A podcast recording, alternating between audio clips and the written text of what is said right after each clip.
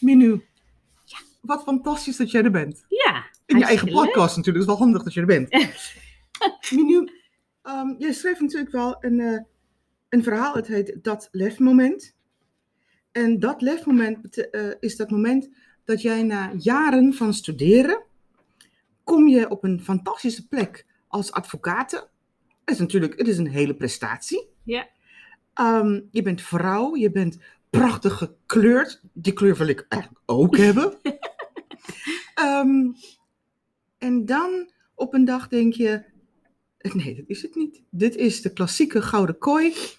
Ik ben weg. Ja. Maar het gaat niet zoals je denkt dat het moest gaan. Nee, nee. Het is, eh, je neemt je voor om, eh, dus ik, ik had besloten, nou, dit is niet mijn carrière. Ik ga mijn baan opzeggen. Ik kan het financieel leiden. Dus ehm, ik ga voor vrijheid. Zo voelde het een beetje. Hè? Yes, ik heb het gevonden. ik dacht, eh, ik ga dit doen. Ik ga feest vieren. Ik ga van het leven genieten. Nou, je kent het wel. Eh, een enorm, enorm succesverhaal had ik in mijn hoofd. Maar op het moment dat ik eh, mijn baan opzij en het had aangegeven bij mijn baas. ehm, ja, zat ik, daarna zat ik huilend op de fiets naar huis. Bleef lekker in mijn bed liggen en ik, nou, ik wist niet waar ik het moest zoeken. Van een feeststemming eh, was, eh, was in ieder geval geen sprake. Eh, ik moest heel erg wennen aan wat ik had gedaan. Van bravoure was geen sprake. Ik was onzeker, bang van wat er ging komen. Ehm, en ik had mezelf ook wel een paar keer afgevraagd: wat heb ik in vredesnaam gedaan? En wanneer kwam het moment, want op een gegeven moment eh, kom je tot de conclusie, oké, dit is echt. Wanneer kwam jij tot het besef van, dit is echt. En dat sabbatical wat ik mezelf heb eh, aangepraat, fantastisch. en nu? En nu? Nou ja, het- het- d- dat, die, deze despair, zeg maar, deze echte wanhoop, die duurde denk ik twee dagen. Hè? Dat, oh, dat ging nog wel, dat ging nog wel. En dan, en dan sta je een beetje zo wankel op en denk je, ja, eh, en nu ga ik door. En zo met, de dagen komt, komt wel de zekerheid terug, dat je, dat je voelt, oh ja, maar ik snap echt waarom ik dit heb gedaan. Ehm, eh, ik kreeg eh, nou ja, binnen een week wel het gevoel, oh ja, nu kan ik echt doen wat ik wil. En wat was dat wat ik wilde? Wat, wat was dat? Eh, heel veel verschillende dingen. Dus ik ehm, heb onder andere ben ik vrijwilligerswerk gaan doen. Ja, dat heeft mij ook zoveel geleerd. Ik heb eh, een familie geholpen die in zware financiële problemen zat. Hè? Wauw. En, en ik kan je daarover vertellen, dat heeft mij echt wel nederig gemaakt of zo. Hè? Ja, ja. Want ik zat daar drie dagen in de week aan de keukentafel. Mm. En waar ik in het begin binnenkwam en best wel met een houding van ja, ik ben eh, hè, voormalig advocaat en ik weet wel hoe ik dit eh, ga regelen. En hoe kan je het nou zo ver laten komen? kwam Mm. ik erachter, ja, ik snap deze mensen wel waarom Ja. het zo is gekomen en zo, hè, waarom ze een jaar lang hun post niet openen. Ja, natuurlijk. ineens, ik heb daar zo van zoveel van deze mensen geleerd. Ja. Ehm, nou ja, dat was al een heel waardevolle ervaring. Hè? Ehm, maar ik heb ook heel veel. Ik ben een. eh, ja, ik hou heel erg van skiën. Dat verwachten meeste mensen niet. Maar ik stond op mijn derde op de skis. Dus eh, ja, skiën is echt een grote hobby van mij. Ja. Ik, heb, ik ben denk ik drie of vier keer wezen skiën Wauw. allerlei verschillende mensen het, eh, over de hele wereld. Dat is ook ontzettend leuk. Maar een ander ding wat ik heb gedaan, wat heel belangrijk is geweest uiteindelijk voor mijn eh, verdere ontwikkeling, is dat ik voor het eerst sinds mijn, eh, dat ik nog thuis woonde, Mhm. dat was, ik denk dat ik 16 was of zo, voor het eerst weer samen met mijn ouders naar India ben gegaan. Hè? Mijn Ja. ouders komen uit India, Ja. Ja. geboren en getogen in India. Ik ben zelf in Nederland geboren. Ja. Eh, ik ben in de tussentijd was ik wel een aantal keer in India geweest, maar alleen. Maar dit was de Mhm. eerste keer om weer met mijn ouders daar te zijn. En wij hebben ook eh, een beetje een reisje gemaakt. Hè? Mhm. Dat was het geboortedorp van mijn moeder. En gewoon ook weer alleen zijn met mijn ouders. Hè? Ja. Zo eh, 24-7. Ja.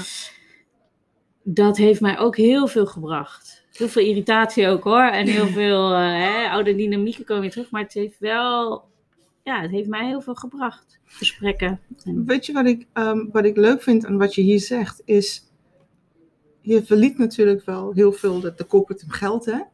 maar je krijgt dus, je zegt heel veel voor terug en het heel veel vertaalt zich niet in geld, want Nee. dat jaar had je geen inkomen gewoon. precies. Ja. Waarom is het zo dat, eh, want in jouw praktijk, je hebt, tijd, je hebt nu tijd gespendeerd met je ouders, dat is, dat is, daar, kan geen, daar kan niks tegenop, weet je Nee. wel. Het is zo intens en het is jouw cadeau aan jezelf. Maar als jij dat zo hebt gedaan en zo hebt beleefd, waarom gaat niet iedereen ehm, zichzelf tracteren op ontdekken wie ik ben, wie, wie mijn familie is, meer tijd spenderen, vrijwilligerswerk doen en dingen waar ik geen verstand van heb. Uh, waarom doen wij dat niet vaker in het, in het moment van ons levens dat wij eigenlijk gezond zijn en het kunnen doen? Ja, best een goede vraag. Waarom niet? Ik denk dat we niet leren, dat we niet leren dat die mogelijkheid er is. Hè? We leren om je klaar te stomen voor als je groot bent. En als je groot en volwassen bent, dan heb je een volwassen leven. Dat betekent, je werkt, eh, je krijgt een gezin en daar zorg je voor. En ehm, ehm, tijd voor jezelf zit daar niet in. Tijd voor jezelf ontwikkelen Mm, zit daar niet per definitie in als je Nee. jong bent. nee. Dus, en dan op een gegeven moment zit je op die trein en dan Ja. heb je gewoon heel weinig tijd voor jezelf. Eh, Maar, maar je zit dus op de trein en je hebt eigenlijk maar weinig bagage eigenlijk. ja, van het leven. Kijk, ja, je inhoudelijk ehm, en, en je harde skills, dat weet je wel. ja, Maar eigenlijk heb je nog geen compassie geleerd, want jij leerde compassie aan de keukentafel. Ja. Je ging met je ouders met irritaties, maar ook met vreugde, ging je naar India. ja, Je zag door de ogen van je ouders waar ja. zij vandaan komen, waar jij vandaan komt. Wa- waarom verdiepen wij... Dat is, toch- dat is toch een rijkdom voor een ieder, in plaats van alleen maar de hard skills. absoluut, absoluut. En ik hoop eigenlijk hè, dat voor komende generaties dat je dat veel meer eh, leert. Hè? Dat je gewoon, dat dat heel belangrijke elementen van het leven zijn. Compassie hebben. Niet alleen voor anderen, maar ook heel erg voor jezelf. Hè? Want eh, Daar begint het bij. Daar begint het bij. En wat, wat je dat oplevert, ehm, ja, dat kunnen we alleen maar onze kinderen meegeven. Dat hoop ik. Dat Ja. hoop ik heel erg. Ja. En, en ik geloof daar ook echt wel in, hè? Dat, dat dit ook wel iets. Kijk, volgende generatie heeft weer andere issues. Maar ik hoop, ik hoop dat dit in één, twee generaties wel duidelijk wordt dat, eh, dat jezelf en liefde voor jezelf, compassie voor jezelf Ja. en vertrouwen en zelf, zelfvertrouwen vind ik een moeilijk woord, maar Ja. dat dat allemaal belangrijke essentials zijn, fundamenten voor, je- voor jou Ja. als mens, ook als werkend mens. hè. Ja, Ook als- ook als werkend mens heb je daar recht op. Voor jezelf, hè? Ja. Nou kom je uit een gezin waar ehm, jouw broers hebben echt, eh, wat is het, hebben ook gestudeerd. Mhm, Hebben topbanen. mhm. Maar jij bent coach. Nou kijken we natuurlijk wel naar coach. Ehm, dat zien wij nog niet hier in Nederland als de topbaan. Nee. De topbaan, nou dan heb je het gemaakt. Jij hebt het bereikt. Ja. Man, je vraagt niet hoe zit jij in de, in de gouden kooi. Je vraagt niet ben je gelukkig. Nee, je hebt het gemaakt. Ja. Maar wat hoe, want de mensen die jij begeleidt, die vrouwen die, ehm, die iets meer willen uit het leven. Misschien hebben ze kinderen, misschien willen ze een andere outlook, misschien willen ze een ander perspectief. Jij dealt er allemaal mee. Maar dit zijn toch ook de dingen waar ze tegenaan lopen. Niet voor volwaardig aangezien geworden. Op Ja. het moment dat jij beslist om iets te doen wat niet zo strak zit in dat. eh kijk eens hoe geweldig. Ja. Ja, het ik vind het wel mooi dat je het woord volwaardig gebruikt. Hè? Voor, niet voor volwaardig aan te worden gezien. Eh, ik heb ervaren dat het dus niet zoveel uitmaakt wat andere mensen van je denken. Hè? Eh, daar gaat het niet om. Ehm, en daarbij eh, weet ik dat mijn broers en mijn ouders mij wel eh, volledig zien. Ja. Hè? En, dat, en de gedachte dat zij mij niet volledig zouden zien, Mhm. of als volwaardig zouden zien, dat, dat zou een aanname kunnen zijn. Ja. Hè? Dat ik dacht dat dat misschien zo zou kunnen zijn. Mhm. Maar dat, dat is uiteindelijk niet zo. Mhm. Want de mensen die eh, jou lief hebben, zoals mijn, ook mijn man en kind, die maakt Ja. dat allemaal helemaal niet uit. Nee. Eh, dus, dus die gedachte, die, hou je, die houdt jou zelf gevangen. Ja. Eh, en zo zijn er heel veel aannames die jou eigenlijk in een gouden kooi houden. Maar dat was wel leuk, want tijdens de interview zei je inderdaad, ehm er is ook in je baan is er meer ruimte te creëren. Ja. Maar heel veel mensen durven dat gesprek niet aan, durven niet te zeggen, maar dit wil ik. Ja, Ik wil dit. Want, want dan komt de angst van wat zou met mij gebeuren. Misschien loodsen ze mij. eh, weet je, al dat soort aannames, maar Ja. gedachtegangen. Dus je vraagt geen enkele ruimte voor jezelf. ja, je bent bang wat de ander van je vindt. Misschien vinden ze me wel brutaal. Misschien vinden ze dat ik, eh, nou ja, hè, dat ik er geen recht op heb. Nou, van al die dingen zou je kunnen zeggen, ja, wat dan nog? Ja. Maar het allerbelangrijkste is eigenlijk om bij jezelf na te gaan, klopt het wel wat ik denk? Hè? Klopt het wel wat ik denk dat die ander gaat denken? Ja. Ehm, en vaak weet je dat niet eens. Dus dan kun je het maar beter vragen. En het mooie hiervan is, je bent niet alleen eh, coach, maar je bent ook ervaringsdeskundige. En ik weet dat het jou enorm raakt. Hè? Ja. Ik weet dat eh eh, werkvloer thema vrouw jou enorm raakt. Want Ja. zo, ehm, ook al zeg je, ja, als, als vrouw moet je vooral zeggen van, hé, hey, maar ik wil iets anders. Weet je, ook op de werkvloer is de uitwerking daarvan, als een vrouw dat zegt, toch wel pittig. Ja, ja dat is. Dat, dat, eh, het raakt mij heel erg. Ik denk dat het ook komt omdat mijn moeder heeft altijd heel hard gewerkt. Hè? Is eh, echt een carrièrevrouw. Carri ja, carrièrevrouw. Een wauw vrouw, hè? Een wauwvrouw, zeker, ja. Maar heeft daar ook echt heel veel voor moeten laten. En ehm, dat is een hele tijd geleden. En als ik nu op de werkvloer kijk, en vrouwen die, die echt voor hun carrière willen Mm, gaan, die mm. moeten ook best wel veel van zichzelf klein houden. Hè? Dus eh, toch wel eh, meedoen met de mannen. Dat hoor ik eh, vaak. En dat vind ik echt zo zonde. Waarom, waarom verandert, verandert dat niet? Waarom kan dat niet? Eh, ja, waarom is dat in, in deze twee generaties al zo nog steeds niet zoveel veranderd? Laat ik het zo zeggen. Ja, precies. Nou, dat is natuurlijk wel echt een waanzinnig mooi gesprek om daarop in te gaan. Maar dat is, Mm. dat, ik, ik weet wel zeker dat je daar ook ehm, mee te maken krijgt. Hè? Ehm, dat mensen inderdaad zeggen, ja, ja, het lijkt... Kijk, ze hebben niet jouw rolmodel van jouw moeder. Nee, Dat is ja. natuurlijk wel waanzinnig. Maar tegelijkertijd zag je ook hoe hard zij moest werken en voor, om dat te bereiken. Ja, En de vraag is natuurlijk, wil, wil je dat? Weet je wel? Ja. Wil iedereen dat? ja. Ja, en, da- en daarvan zeg ik, ja, je bent gewoon, dat mag je zelf kiezen. Ja, Dat mag je zelf Ja. eh, Ja. kiezen. En ehm, er zijn ook genoeg vrouwen die daar wel heel erg van genieten. Yes, Hè? Om, eh, yes. en, nou, ik heb er ook helemaal geen moeite mee als je je kind vijf dagen naar de crash brengt. Waarom Ja. niet? Eh, als jij, als dat maakt dat jij eh, dicht bij jezelf komt te staan hè, Mhm. en daardoor in je kracht, dan vooral doen. ja, maar er is ook geen veroordeling daarop. Dat Nee. vind ik wel heel fijn. Dat, dat wil je natuurlijk altijd hebben. Ja, Ik, ehm, een van de dames, eh, ook in Lef 5, zei... ehm, haar carrière, ze was alleen. Haar carrière was, nou ja, was wel belangrijk. Nee, het was... Ze moest gewoon werken. Ehm, en ze vond, ze vond heel veel genoegdoening in haar baan. Maar haar kinderen gingen naar kostschool. En ze hebben zo'n familiegesprek gehad. En haar kind, een jongen van negen zei tegen haar mam... Dan gaan wij naar kostschool. Want wij willen een gelukkige Ja. moeder.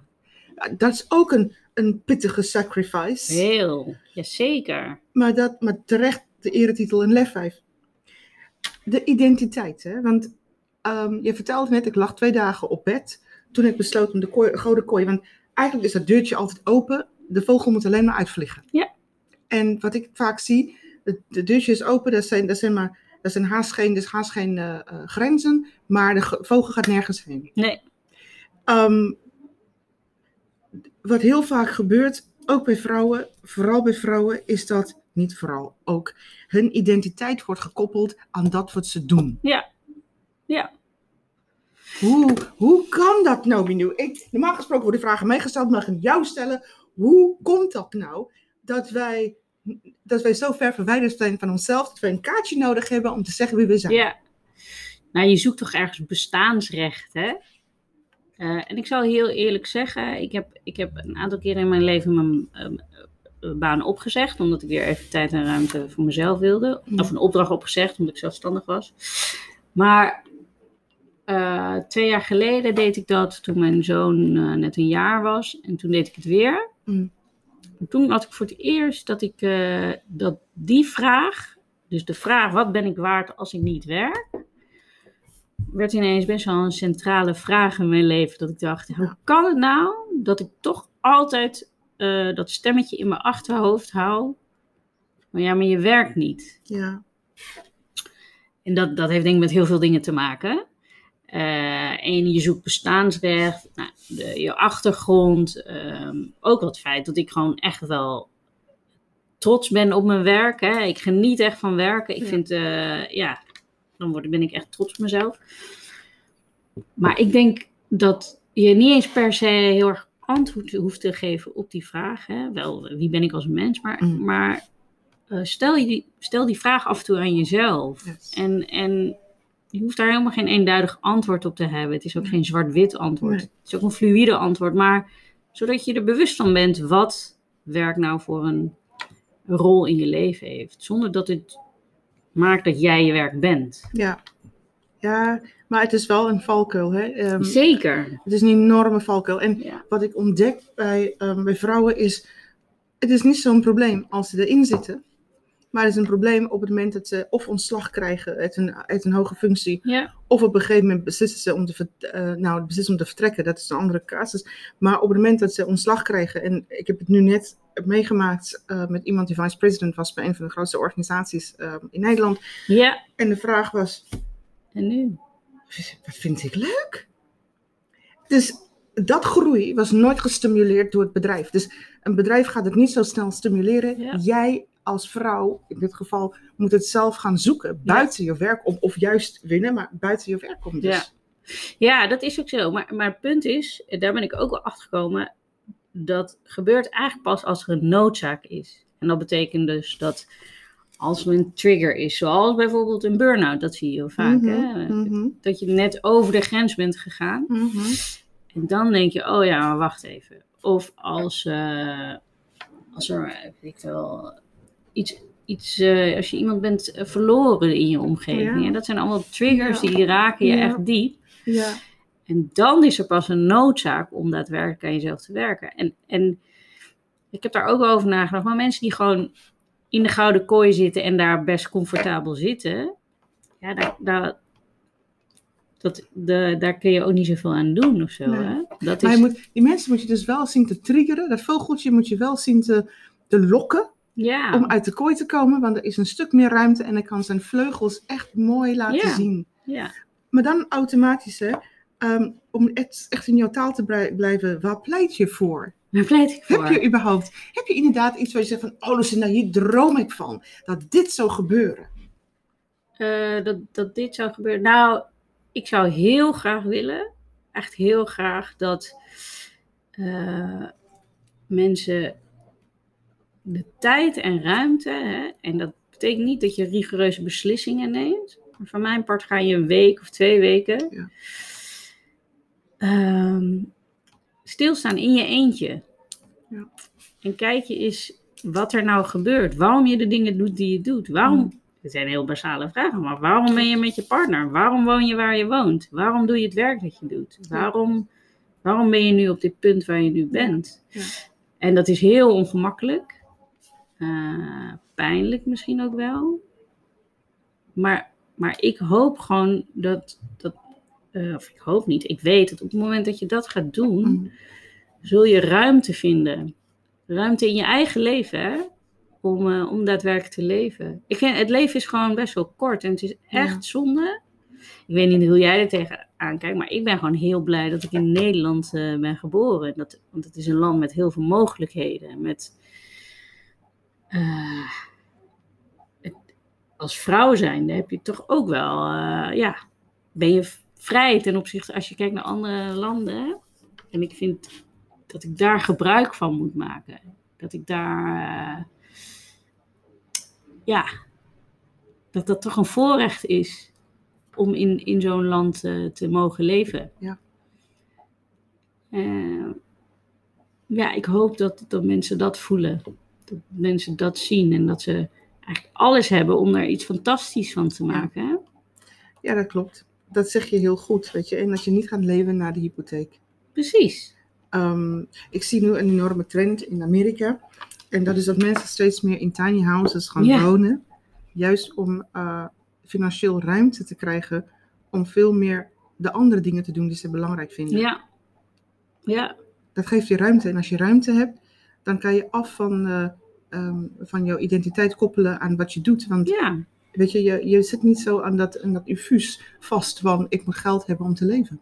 Ja, je kan gewoon naar jezelf toe, hè? Naar, naar, je, naar jezelf kijken, naar je eigen Ja. ogen, in de, zonder dat, dat er iemand hijgt in je nek eh, zit. Ja. Ehm,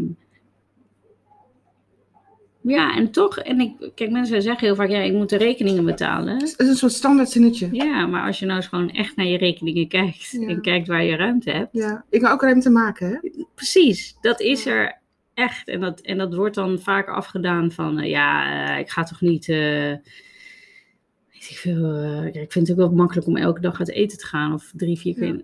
Dat is prima, maar dat is dan een keuze. Keuze. Het moet een keuze zijn. Ik hoop niet dat het automatisme is. Nee, precies. Dus als je daarvoor kiest, is het Ja. prima. Maar dan Ja. kies je ervoor. En dat, dat maakt al een heel groot verschil. Ja. Ja, Eigenlijk is het thema meer kies en, en kies bewust. ik kies bewust, ja. Maar ja, dan, ja, ja.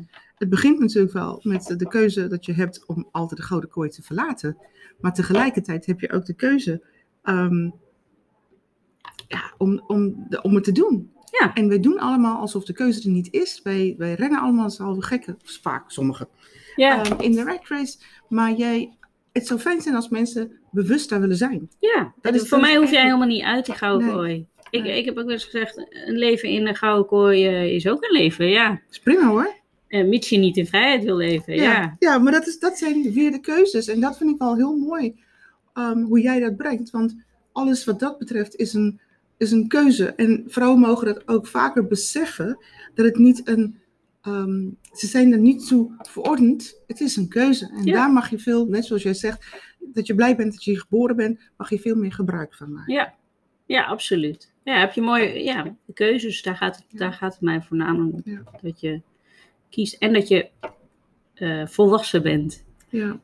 En dus verantwoordelijkheid kunt nemen voor Ja. je keuzes. Dus ook voor je vrijheid. En dus ook voor je vrijheid, absoluut. Ja, Menu, dank je. Ik vind het zo fijn, want door dit gesprek heb ik ook veel meer.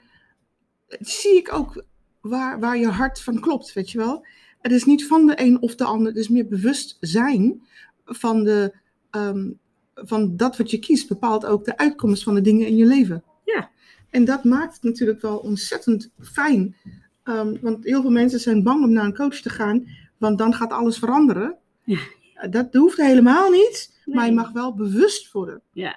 En dat proces is heel lastig als je, ja, als je dat in je eentje doet. Dan is het Ja. heel fijn om met Ja. iemand te werken. En Ja. om, ehm, kijk, het is niet per se zo dat je naar een coach gaat en alles is, eh, hè, de, zon schijnt weer en de unicorns eh, Nee, draven door je leven. Nee, nee, nee. Maar het geeft je, het, ja, het geeft eh, ruimte inderdaad voor jezelf. Nou, dan wil ik jou enorm bedanken. Het is ook heerlijk, hè? want het geeft mij. Nu snap ik het ook zo goed. Het blijft nog heel even bij mij. Oh ja, mooi, dat, is heel leuk. gaaf. Heerlijk gesprek, ja. En dan ja. is het ook voor de ander die luistert, heeft het ook dat impact en effect. En eh, ja, fantastisch. Dank Ja. je me nu. ja, dank jou, Lucinda.